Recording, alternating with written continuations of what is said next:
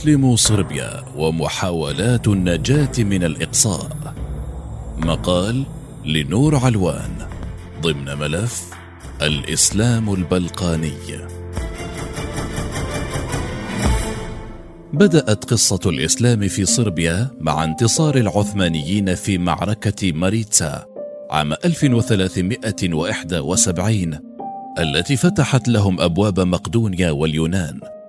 ثم مهدت الطريق إلى دخولهم صربيا والبوسنة المتجاورة. لكن معركة كوسوفو عام 1389 هي الواقعة الحاسمة التي حولت صربيا إلى إمارة تابعة للدولة العثمانية بالكامل لستة عقود وضعت حدا نهائيا لحكم الكنيسة الأرثوذكسية وسيادتها على هذه الأراضي. وبحسب كتاب البوسنة والهرسك خلال الحكم العثماني تحولت بلغراد وسراييفو إلى أكبر المدن في أوروبا الجنوبية الشرقية وإلى مراكز الثقافة الإسلامية في البلقان مما ساهم في تشريق البلقان حتى إن بلغراد بقيت تعتبر حتى منتصف القرن التاسع عشر بوابة الشرق. لكن اليوم وبعد سلسلة من الأحداث والمحطات التاريخية الفارقة تغيرت مكانة الإسلام والمسلمين في صربيا فكل ما تبقى من الميراث العثماني هو إحباط مرير وأقلية منفصلة تسعى إلى النجاة من المعيقات التي قيدت نموها الديمغرافي والسياسي وحريتها الدينية. الهوية الصربية العرق والدين.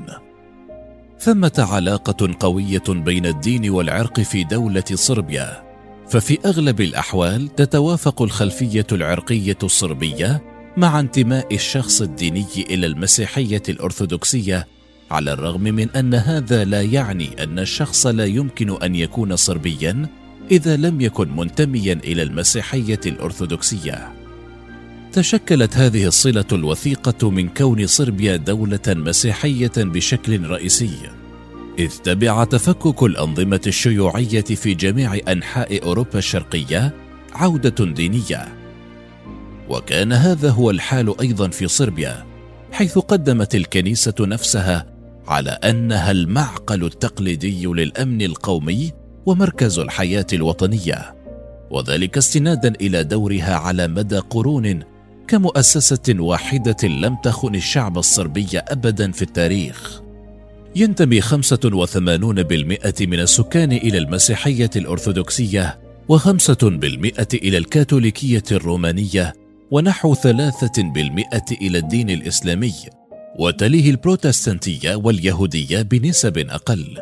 إضافة إلى عدد كبير من الأشخاص الملحدين أو الذين لا يريدون الإشارة إلى انتمائهم الديني حيث تظهر الدراسات الاستقصائية الأخيرة انخفاض مستوى التدين والأنشطة الدينية بين السكان الصرب وهو النمط الديني الذي يمكن تسميته الانتماء دون الإيمان إن صح التعبير.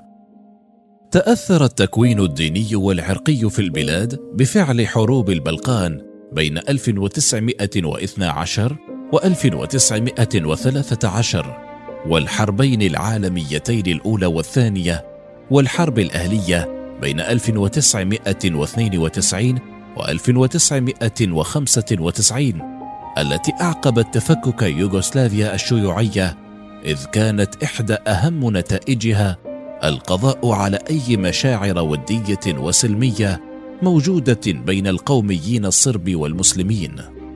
فمع ممارسة السلطات الصربية سياسات عنصرية وجرائم جماعية تجاه المسلمين شملت حملات تطهير عرقي ممنهج وسرقة للممتلكات وترحيل قسري وتغيير معتقدهم. تناقص عدد المسلمين في صربيا بعد أن كانوا يمثلون جزءا كبيرا من المجتمع الصربي. الأقلية المحبطة. يقدر عدد المسلمين في صربيا اليوم بنحو 240 ألف نسمة أو 3.5% من عدد السكان الإجمالي.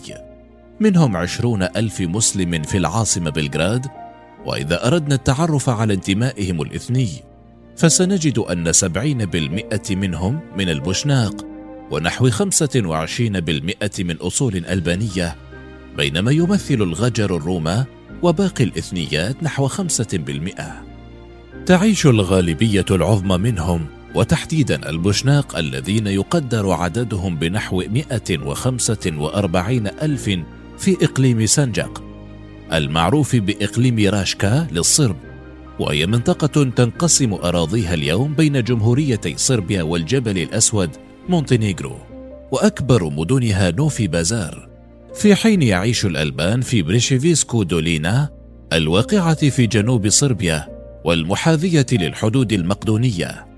ويبلغ تعدادهم نحو 67 بالمئة من عدد السكان المحليين الإجمالي.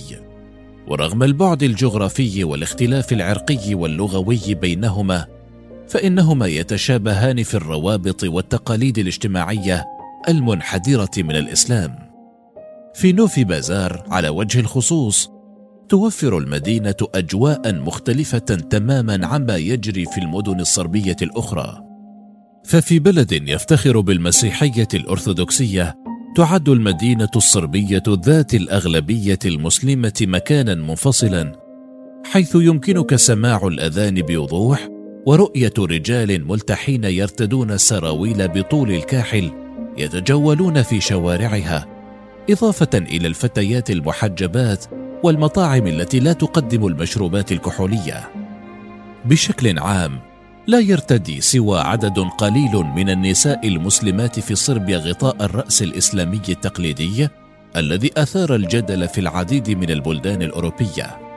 وبحسب محمد يوسف سباهيتش نائب رئيس العلماء من الجالية الإسلامية الصربية ومقرها بلغراد فإن صربيا بلد حر والأمر متروك للمرأة المسلمة لتقرير ما إذا كانت سترتدي الحجاب أم لا. حيث لا توجد مثل هذه العقبة أمام المرأة في صربيا حتى يمكن تصويرهن لوثائق الهوية في الزي الإسلامي لكن دون تغطية الوجه. بخلاف المظاهر الدينية تعد سنجق واحدة من أفقر مناطق البلاد حيث لا يوجد بها مطار أو محطة قطار وتخدمها طرق سيئة وتحيط بها الجبال ولا تملك أي شيء يوحي بالتقدم أو التنمية الاقتصادية. حيث يبلغ معدل الفقر خمسين بالمئة وفقا لمعهد الإحصاء الصربي. ما يجعل منطقة سنجق المنطقة الأكثر حرمانا في دولة البلقان بعدما كانت مركزا لصناعة المنسوجات. لكن تم إهمال عدد كبير من المستودعات التي كان يعمل بها آلاف العمال. وإلى الآن لم يفتح مصنع واحد ولم تشهد استثمارا اقتصاديا واحدا. وفي مواجهة البطالة الهائلة والشعور بالإقصاء أصبحت هذه المنطقة في جنوب غرب صربيا ارضا خصبة للتطرف فقد غادر عدد من مواطنيها للانضمام إلى تنظيم داعش الإرهابي في سوريا والعراق. ومات بعضهم هناك منذ ذلك الحين أو عادوا إلى صربيا ويخضعون للمراقبة من أجهزة المخابرات القوية التي تعود إلى الحقبة اليوغوسلافية. في هذا الإطار يرى معمر زوكورليغ المفتي السابق وعضو البرلمان الحالي عن نوفي بازار أن ثمة مستوى منخفضا من السلوك المتطرف في ظل الظروف الحالية لكنه يحذر من أن الاقتصاد السيء والوضع الاجتماعي وضعف البنية التحتية قد يسببون التوتر. بالإضافة إلى الوضع الاقتصادي المتردي فإن المسلمين الصرب هم ضحايا المعايير المزدوجة. حسب مفتي الجالية الإسلامية المحلية مفيد دوديتش الذي قال إن الصرب يشكلون ثمانين بالمئة من قوة شرطة نوفي بازار على الرغم من أن ثمانين بالمئة من سكان المدينة مسلمون. وبعد محاولات متكررة لتحسين التوازن أصبح المسلمون يشكلون الآن ثلث القوة. أين العدالة لمسلمي صربيا؟ ما زال سكانها المسلمون يتذكرون أن الدبابات الصربية المتمركزة في التلال المحيطة بالمدينة في أثناء الحرب لم تكن موجهة نحو البوسنة بل باتجاههم ما أدى إلى مقتل عدد غير معروف من المسلمين الصرب من البوشناق خلال الحرب وتعرض آلاف آخرون للتمييز والاضطهاد ومع ذلك ظل العديد من الجناة بلا عقاب حتى بعد خمسة وعشرين عاما. إن إرث هذا العنف لا يزال مصدرا رئيسيا للصراع بين الجالية المسلمة وجيرانها من غير المسلمين في صربيا على الرغم من ندرتها. فإن القضايا العالقة أو التي لم يتم حلها ليست مفيدة للاستقرار أبدا. فحقيقة أن العدالة لم يتم تحقيقها إلى هذا اليوم بسبب عدم اعتراف دولة صربيا بما فعلته في التسعينات وفشلها في معاقبة مجرم الحرب الذين ارتكبوا جرائم بشعة ضد البوشناق الصرب ونقص التعليم بشكل عام في البلاد يزيد من احتمالية تصاعد التوترات بين الجانبين في أي وقت. لا سيما أن البعض ينوه إلى أن حكومة ألكسندر فوتشيتش المتشددة تستخدم التوترات العرقية بين المسلمين والمسيحيين والطوائف الأخرى في صربيا من حين لآخر لصرف الانتباه عن القضايا الأخرى التي تواجه البلاد وإلهاء مواطنيها عن إخفاقاتها.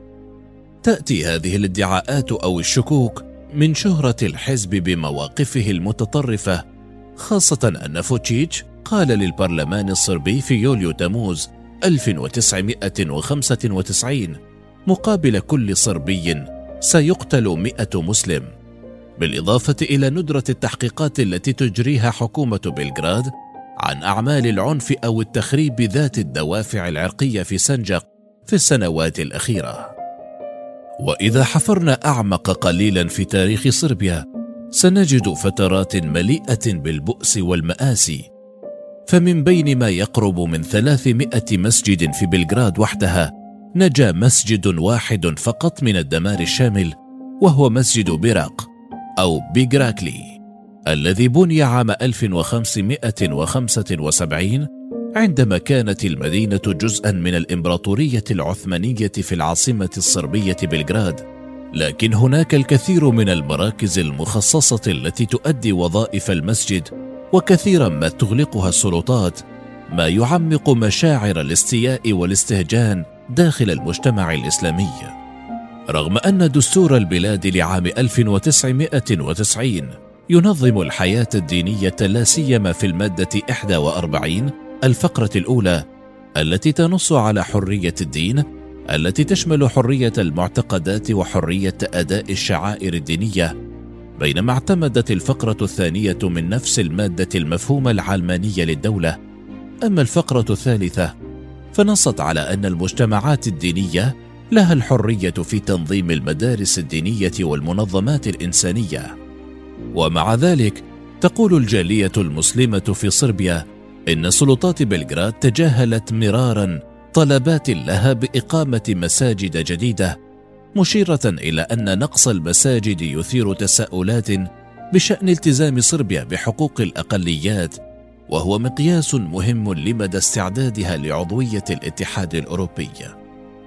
ولاحظ الاتحاد الأوروبي الذي تتفاوض صربيا للانضمام إليه هذه المسألة وحذر في تقرير لعام 2016 بشأن التقدم الذي تحرزه بلغراد بخصوص شروط الانضمام إليه قائلا: حقوق الأشخاص الذين ينتمون لأقليات التي تشمل إقامة وتسجيل مؤسسات دينية وبناء واستخدام أماكن للعبادة يتعين ضمانها بشكل كامل على أرض الواقع.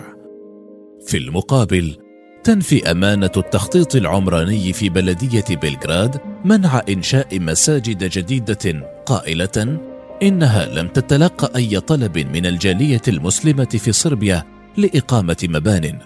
ليأتي الرد من سباهيتش مفتي بلغراد بقوله سعينا على مدار عقود للحصول على تراخيص لعدد من الأماكن لكننا لم نصل مطلقا حتى لمرحلة تقديم الأوراق اللازمة.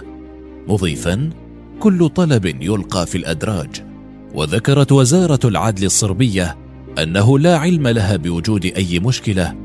وقالت ميلتا رادوفيتش رئيسة إدارة التعاون مع الجاليات الدينية صربيا تفي بجميع معايير الاتحاد الأوروبي بشأن ضمان الحقوق والحريات الدينية وفقا لأحكام الدستور. فرضت هذه القيود والتحديات بمختلف أشكالها ضغوطا نفسية واجتماعية على مسلمي صربيا ما يفسر مطالبة رئيس الحزب البرلماني للعمل الديمقراطي لمسلمي صربيا سليمان اوغلانين سلطات صربيا والاتحاد الأوروبي بإجراء انتخابات محلية لإدارة سنجق وانسحاب الشرطة والجيش والاستخبارات ومؤسسات القضاء الصربية واستبدالها بأجهزة أوروبية في سنجق لمنحها الحكم الذاتي وذلك عام 2017 تكررت الدعوة عام 2019 عندما طلب الحزب البرلماني للعمل الديمقراطي لمسلمي صربيا من سلطات صربيا والجبل الأسود والمجتمع الدولي منح وضع حكم ذاتي خاص للمنطقة الحدودية بين البلدين لضمان التنمية الاجتماعية والاقتصادية مشيرا إلى أن سكان سنجق أعربوا عن رغبتهم بالحصول على وضع الحكم الذاتي في استفتاء عام 1991 وعلى ما يبدو أن العلاقات المشحونة بين الجانبين تشكل من ناحية أخرى ضغوطا سياسية على الدولة المسيحية فإذا أرادت الانضمام إلى النادي الأوروبي في 2025 الموعد الذي تم تداوله لانضمامها فسيكون عليها أولا أن تفي بعدد من الالتزامات وأهمها منح الحرية الدينية للمسلمين في بلادهم.